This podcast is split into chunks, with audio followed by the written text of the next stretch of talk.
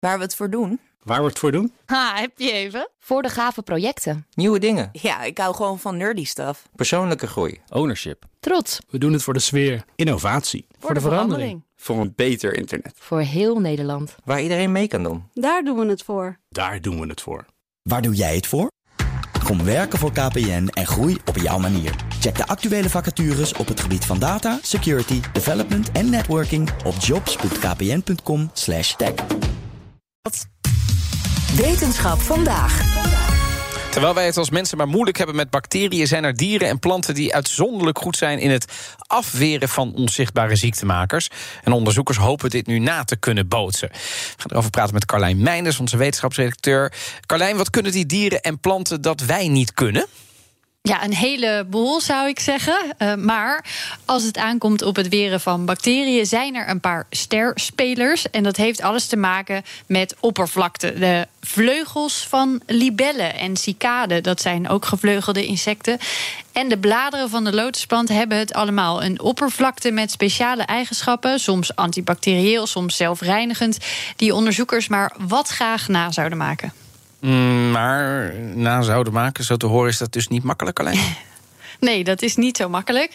Uh, ik denk dat iedereen wel een keer een lotusblad in een vijver heeft zien drijven. Mm -hmm. Uh, je ziet dan vaak die, die waterdruppeltjes erbovenop liggen. Het ja. rolt er ook zo weer vanaf. Ze blijven niet plakken, zeg maar.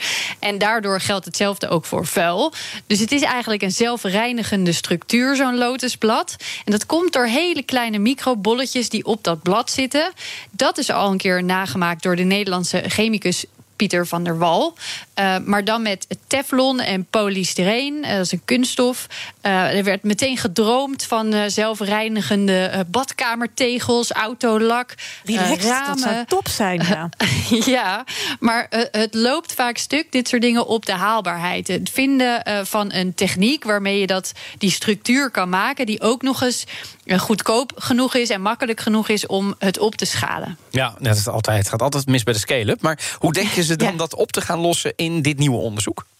Ja, de laatste jaren zijn wetenschappers blijven zoeken eigenlijk naar een manier om, om nou de juiste nanocoating te maken. Want als we echt naar bijvoorbeeld antibacterieel kijken, dan zijn de vleugels van de libellen misschien wel het mooiste voorbeeld. Want daarop zitten uh, geen bolletjes, maar hele kleine nano-naaltjes. En die naaltjes die prikken de celwand van bacteriën kapot die erop terechtkomen.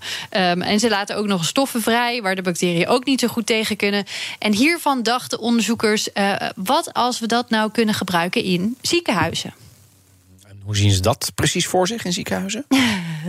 nou, in, uh, in ziekenhuizen vind je natuurlijk heel veel bacteriën. Ja. Uh, bacterieoverdracht is een heel groot probleem.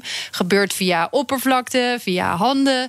Uh, ik heb het nu niet over een virus, dus, maar echt over die bacteriën. Uh, en de onderzoekers dachten: als we nou zo'n soort coating na kunnen maken, net als die vleugels, en we spuiten dat op oppervlakte, zouden die bacteriën dan niet gewoon doodgaan. Net als ze dat doen op de vleugels van een libelle. En in 2018 lukte dat ze ook, lieten ze weten. Een coating gemaakt van zinkoxide naaltjes. Zinkoxide vind je ook al in verf, rubber, ook cosmetica. En die naaltjes en het materiaal zorgden ervoor dat 99,9% van de bacteriën die daarop landen ook echt doodgingen. En dat verspreiden, dat, kwam, dat had te maken met de stof, met het materiaal, ook nog eens werd ingeperkt. Nou, dat klinkt al hartstikke goed, ja, toch? op zich, perfect. Ja, nou, nu, heeft een, nu komen we bij het nu. Heeft een ander internationaal team nog een stapje gezet.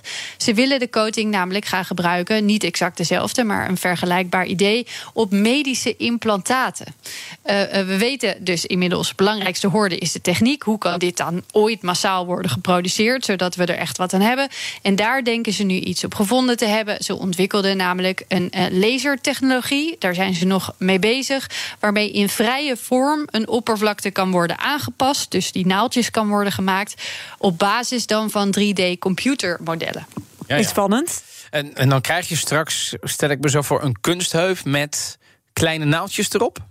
Ja, ja nanodeeltjes dan. Hè? Dus als je zo'n implantaat vast zou houden in je handen, is het niet zo dat je geprik voelt. Oh, gelukkig. Dat is zo klein, daar merk je heel weinig van. Maar het is wel een goed punt, want we weten uh, dat celgroei bijvoorbeeld heel sterk reageert op oppervlaktestructuur. Dus in veel labs werken ze aan, uh, aan bijvoorbeeld de mini-orgaantjes. En dan willen ze uh, cellen zich in een bepaalde vorm laten groeien. En heel vaak kun je dat stimuleren door een bepaalde oppervlaktestructuur te maken dat zegt al wel iets over hoe cellen reageren op iets afwijkends.